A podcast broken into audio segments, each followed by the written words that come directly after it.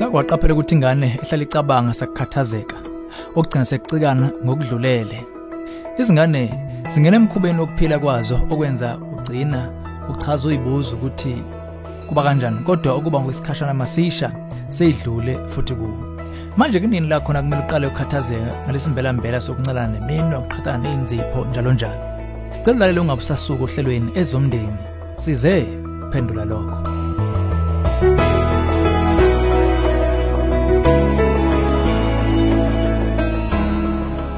Kwayintokozo uba ngikubengelele ezomndeni uhlelo kulethela izeluleko ey'phathekayo ngabaka-focus on the family. Sithole kumzali okhathazekile ngemiphumela egcina sidalwa inkambiso yengane ehlala ikhathazekile ubuze wathi ngakuba umkhuba oqhubekayo wokuhlala ingane ikhathazekile ngengqondo ungaba nobungozi ekuhambeni kwesikhathi? Ingane yami nalowo mkhuba sengenze okuningi uqeda lokho kodwa lutho ngehlulekile. Kuyangisanganisa lokhu. Yikuphi okumele ngikwenze? Uma ngathiwa kunenduduzo esinayo kuwe ukusho ukuthi lo mkhuba awunamphumela ekuhambeni kwesikhathi. Khona manjalo siyaqonda kungani kukucika lokhu?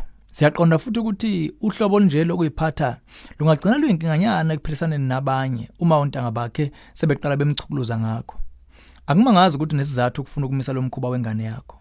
Sivamise ukuba kubazali basesimeni sakho singakhuthazi baqale basenze udaba isimo kuze kube ukuthi sebekulungele ukusiqonda sonke umumo waso ekusizeni umntwana ayeke lo mkhuba. Kunezizathu esihle salokhu. Imvamisa abazali banomkhuba ukukhuluma ngenkinga lesimo kodwa bengakulungela ukuthatha amagxathu okusiguqula. Bathatha kude kuze kube umntwana useyazwela ngokuhlala kwakhe khathazekile azagcine sezizwa engodabukileyo. Uma lokhu sekwenzeka isimo siphenduka sibe nzima ukubhekana naso. Ngesikhathi sokulungela ukuhlabela phambili sicabanga ngumqondo omuhle ukuqala uqonde imizwa yenhliziyo engaba icashe emva kwalokucikeka yilomkhuba buza umntwana wakho usukucabanga ngani ngesikhathi usonta izinwele zakho kumbe uqhatha inzipho zakho noma udonsa amashiya? Kukwenza uzizwe kanjani? Eyimene njalo eziningi lokuziphatha kuletha ukuyiduduza nokuzehlisa umoya uma uqonda.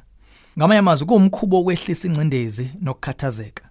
Uma kuwukuthi uthola lokho imizamo ke yokuqeda lo mkhuba wakhe izoba amanzi emhlane wedada kuze kube sewuqonda ngqo imbangela zawo kuqala. Uma kufumana ukuthi lesimo singeserious njengokuthi iyo nebala ingcindezi eyimbangela.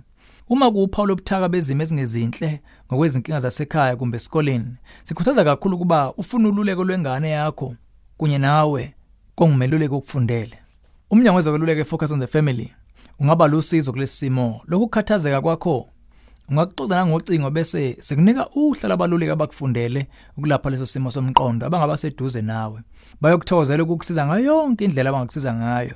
Fona ku-031 716 3300 kumbe uthi jeqe ku-safamily.co.za bese uthi chafo counseling link. Uma kolunye uhlangothi lomkhubo wokuhlala ikhathazekile ingane yakho kuyinto engafumaniseki into edinga ukwelashwa ngokujulile. Singaphakamisa zikhona nezinye indlela eziningi ongayisebenzisa ukubhekana nenkinga yokuqeda nya. Okwamanje singasho ukuthi asikhuthaze ezinye zeindlela ezingemnandi ezike zasetshenziswa phambilini. Sinombono othi kuhle ukuthatha uswazi uqeda lo mkhuba enganeni. Akusilo isu ukuchumisa okuyiphatha osuku zama ukuqeda. Uma uhlala njalo uthi ngakwenzi lokho hlehlehle uhlebeleke ndisisimo iselingconywana ukuqhama nezinto ezingafaka okunye kumbe okuzogudluza umqondo wakhe kulokho ayikho.